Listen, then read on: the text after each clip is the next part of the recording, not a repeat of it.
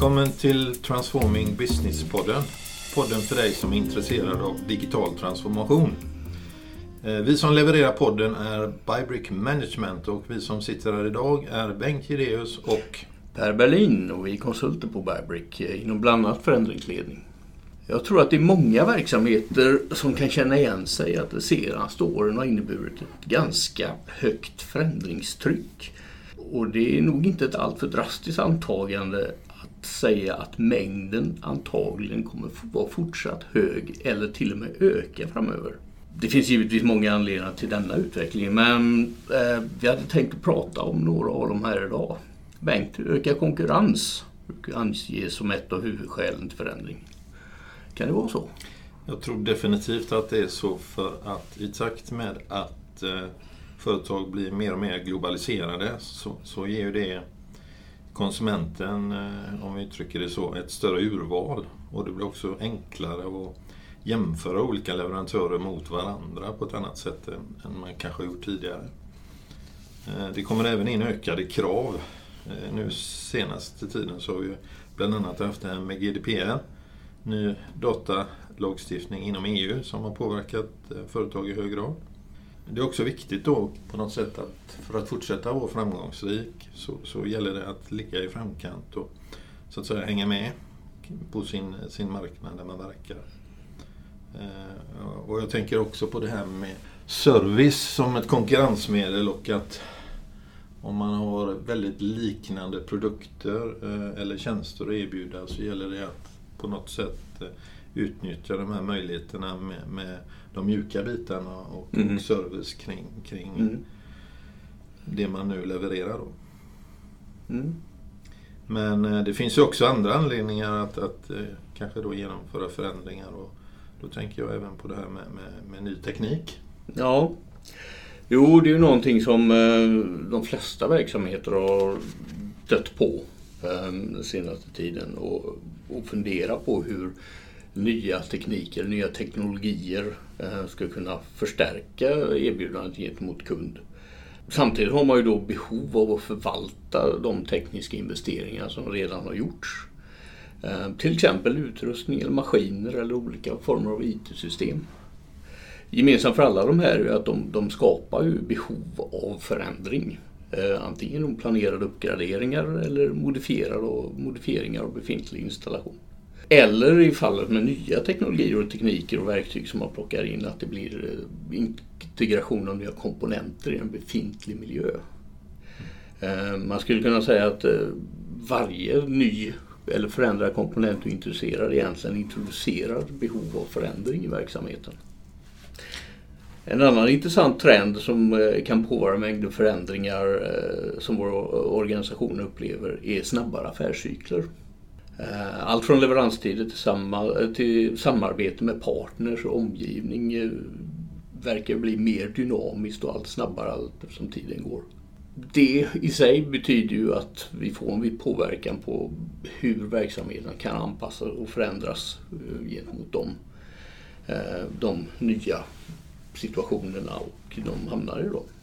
Jag tänker också på det här med, med det känns väldigt väsentligt och viktigt att tänka igenom att varför vill vi egentligen förändra och vad är det vi egentligen vill förändra? Alltså, eh, jag tänker mig att det finns behov på olika håll och kanter men det, det gäller att tänka till och kanske då eh, utvärdera och prioritera innan man sätter igång och så att säga gör saker. Mm. Det gäller att på något sätt välja rätt i det här. Eh, och även då få klart för sig att hur den tänkta förändringen kommer att påverka organisationen. Vilka konsekvenser det kan få för, för helheten. Och också kanske ha med sig perspektivet att det ska ju faktiskt hanteras den här förändringen då eh, i samverkan med den ordinarie operativa verksamheten som man håller på med. Mm. Och jag tror ju som du säger att mål är väldigt viktigt med förändringar. Man har ganska tydliga mål med vad man vill åstadkomma då. Och kopplat till det givetvis att vi då kan mäta mot dessa mål på ett bra sätt. Eh, och göra de justeringar som behövs under resans gång här. För eh, det är väl allt för optimistiskt att tro att allting går på raka eh, linjer hela tiden. Ja.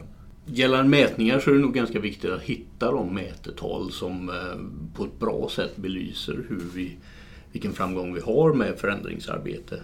Istället för att definierar till exempel för många mätetal som gör att vi eh, inte ser skogen för bara träd så kanske vi ska fokusera på ett handfull, ett fåtal viktiga mätetal som vi vill följa över tid. Då. Det här med mätningar och förändringar det är ju en mätning som tenderar att bli stabil över tid. Det säger ju inte så mycket om en förändring så istället ska man försöka hitta de mätetal som visar på förändringen de som kan vara turbulentare kanske, men det är ju de som är riktigt intressanta. En stabil mätetal talar bara om att det är samma sak idag som det var igår. Så försök att hitta alla saker. En annan grej som man kan reflektera över då, det är ju att vi brukar associera förändringar med förbättringar. Och det är ju inte alltid så, eller hur? Nej. Nej. Eh, vissa saker som du nämnde tidigare som GDPR och andra regeländringar eller lagändringar gör ju att vi behöver göra förändringar i verksamheterna som Nej. kanske inte har någon direkt affärsnytta. Fördelen, eller å andra sidan kan man säga att alla inom en given bransch eller ett givet område blir antagligen påverkade lika mycket av den här typen av, av spelregelförändringar. Så eh, nettoeffekten ur konkurrensperspektiv blir nog ganska neutral vad man kan fundera på här det, det är om det går att optimera de här förändringarna, de tvingande förändringarna för att minimera resursåtgång och, och störa verksamheten så lite som möjligt. Och att det kan bli en, eventuellt en konkurrensfördel då och hitta vägar framåt där.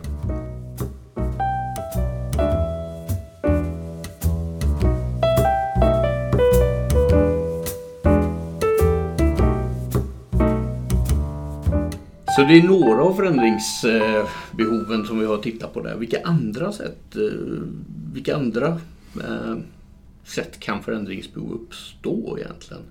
Vi vet ju att det brukar pratas om möjligheter till förbättrad prestanda eller förbättrad konkurrenssituation eller, mm.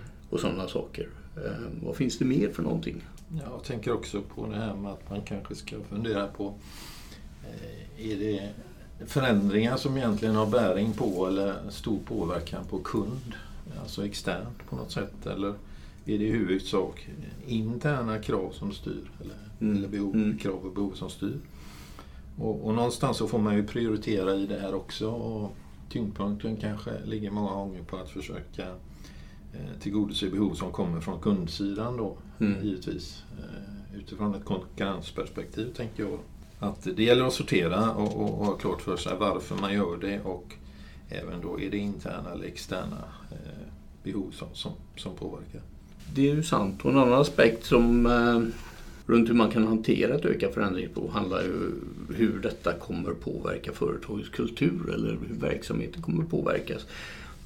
Vi har ju branscher med, med rätt låg förändringstakt där man eh, inte har några större förändringar Sen har vi branscher med väldigt hög förändringstakt där förändringar är eh, skåpmat eller vardagssysselsättning egentligen. I en verksamhet med låg förändringstakt så kan en större förändring innebära stress i organisationen. Ehm, I en eh, verksamhet med hög förändringstakt så kan man få förändringsutmattningssymptom istället. Man blir trött på den ständiga förändringen och man känner inte riktigt hemvisten i organisationen längre. Jag tror konsten här är att hitta en bra balans eh, mellan den takt som vi inför förändringar eh, och den takt som organisationen klarar av att absorbera när det gäller förändringar. Och det är ju från organisation till organisation. Då kommer vi automatiskt in på det här med, med just människan, då, individen. Mm. Eh, och på något sätt så, så, tror jag det är jätteviktigt att hitta ett sätt att hantera människor då som, som gör att man fortfarande kan känna sig trygg även i en förändring. Och det handlar ju mycket om att skapa ett förtroende från ledningens sida eh, till, till sina medarbetare. Att man, man, man är trygg med, med, det som händer även om det är i en förändring.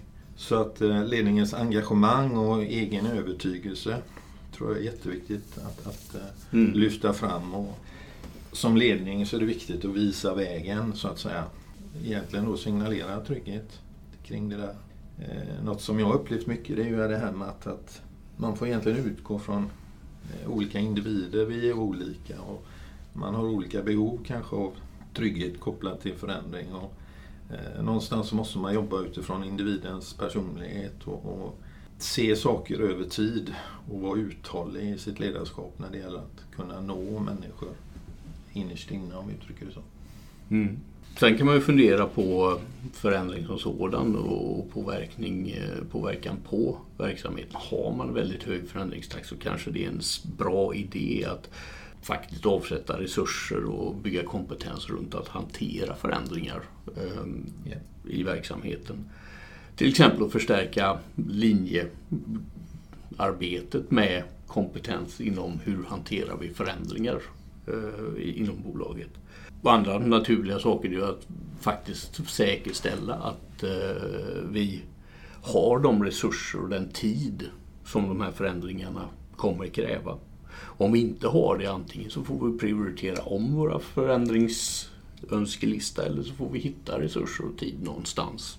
Ytterligare ett smart sätt att, faktiskt komma vidare och, och, se till att det blir bra förändringar och att de är förankrade i organisationen är att involvera våra kollegor och medarbetare på ganska tidigt stad i, i den här resan. I många fall så blir förändringsinitiativ kanske lite mindre lyckade beroende på att eh, man inte haft möjlighet eller förmåga att fundera ut hur förändringen kommer påverka verksamheten i det dagliga livet. Till exempel hur kommer förändringen påverkar våra processer, våra verktyg, våra metoder, våra roller och så vidare. Och så vidare. Och det är ofta där man stöter på de här problemen. Men genom att involvera människor som jobbar med inom de här områdena på daglig basis i, redan i designarbete runt förändringen. ger ju en möjlighet att hämta in den här typen av, av komplikationer eller eller problemställningar och därmed redan i design undvika att springa in i de fällorna. Det känns ju som att eh, då kanske vi ska lyfta fram det här då, vikten av att tidigt informera, förklara och försöka förankra hos medarbetarna varför vi gör en viss förändring, vad är motiven bakom, vad ska vi nå och så vidare. Och jag tror att på något sätt så försöka plocka bort en oro då som kan mm. infinna sig tidigt kring det här. Och eh, även då det här med känslan av, av, egen medverkan och engagemang. Alltså förutsättningen för att lyckas på något sätt är om man ändå tillåter människor att eh, medverka och Eh, utforma då kanske saker kring sin egen vardag och mm. egna mm. situationer där man ändå har en bra egen kompetens kring hur saker bör göras. Mm. Som man kanske inte har på en ledningsnivå i detalj på samma sätt. Då. Och, och det landar ju på något sätt i att ta, ändå ta tillvara den kompetens och den kunskap som finns hos medarbetarna och inte på något sätt agera ovanför huvudet på folk eh, utan, utan eh, försöka tidigt involvera och ta med folk i i det man försöker åstadkomma. Då. Mm. Mm. Som sagt var, summa summarum. Vi har en hög förändringstakt och den kommer antagligen ligga kvar eller till och med öka. Och det kan vara en bra idé att undersöka möjligheten att koordinera förändringar för hela verksamheten oberoende av vilket område inom verksamheten som faktiskt, där förändringsbehovet faktiskt har uppstått. Och då tänker vi tvärfunktionellt? Tvärfunktionellt. Vi tänker oss att, att vi kan ehm, slå ihop förändringar inom system, metod, process till ett förändringspaket som vi sen kan jobba med och kommunicera och implementera på ett bra sätt. Som sagt var, eh, och det, det ger oss då det undviker vissa fallgrupper och man kan få till det här. Som till exempel att eh, olika förändringsarbete, initiativ trampar varandra på tårna. Eller att delar av verksamheten hamnar i nästan till ohållbara situationer beroende på extremt hög förändringstakt. Och det kommer direktiv och kontradirektiv på daglig och stundlig basis. Ja, då kanske det är dags att börja avrunda den här podden eh, lite grann. Ehm, Bengt, vad skulle du vilja peka på som man skulle kunna ta med sig i, sitt dagliga liv härifrån? Då skulle jag nog först börja vilja peka på det här med vikten av att sortera i de här olika behoven som man ser, utvärdera i det där och sen då välja helt enkelt vad man vill satsa på den närmaste framtiden så att säga. Så kommer jag också tillbaka till det där med vikten av ledningens engagemang. Mm. Att hela tiden visa vägen och gå först och visa på egentligen att det är så här vi ska jobba, det är så här vi ska tänka. och sist egentligen där också eh, ta med det här med, med att få med individen. Eh, man är olika som individ och man, man behöver kanske coachas lite mer personligt utifrån den man är och hur man fungerar. För att känna en trygghet och ett engagemang i det som ska hända framåt. Och kan du fylla på med något Per? Ja, jag tänkte på det här med, med att involvera eh, berörda i, ganska tidigt i eh, designskedet när det gäller eh, förändringar eller förbättringar. Så att på något sätt att man kan säkerställa att man får in tillräckligt mycket kunskap när man fattar sina beslut. Det finns givetvis eh, farhågor med detta också. Att det är väldigt löst initialt i en design. Eh, så det vill ju till att det finns en förtroende inom de grupperna som mm. jobbar med dem. Mm. Eh, men jag tror att det kan vara väldigt bra att plocka in folk tidigt så man får in och kan undvika hinder som man kanske inte annars hade sett. Jag tror också det är viktigt att man ser över möjligheten att koordinera mängden förändringar så att man inte får kaka på kaka eh, symptom i förändringsarbetet. Att förändringar trampar varandra på tårna. Och, Tänker du eh, även på det här med tvärfunktionellt arbete i det här? Ja, och det är speciellt då när man har många delar av, av en verksamhet som driver separata förändringar. Mm. så det kommer finnas delar av verksamheten som kommer lida av väldigt hög förändringstakt baserat på detta. Så det är, inte, det är en bra idé att fundera på det totala förändringstrycket och mm. hur man kan styra dem. Eh, ja, det kanske räcker som någon typ av sammanfattning av dagens podd. Då har ju vi berört ett antal olika delar kring ett förbättringsarbete. Eh, och eh, vad som är viktigt att tänka på då när man jobbar med det här i, i sin egen verksamhet. Och är det så att du känner dig sugen på att diskutera mer kring detta så är du jättevälkommen att kontakta oss på, på Brightbrick. Så tackar vi väl då för att mm. ni som har lyssnat har lyssnat. Ja, och, tack så mycket önskar dig välkommen tillbaka till eh, något annat ämne, en annan podd lite längre fram. Ja. Tack för idag. Tack för idag.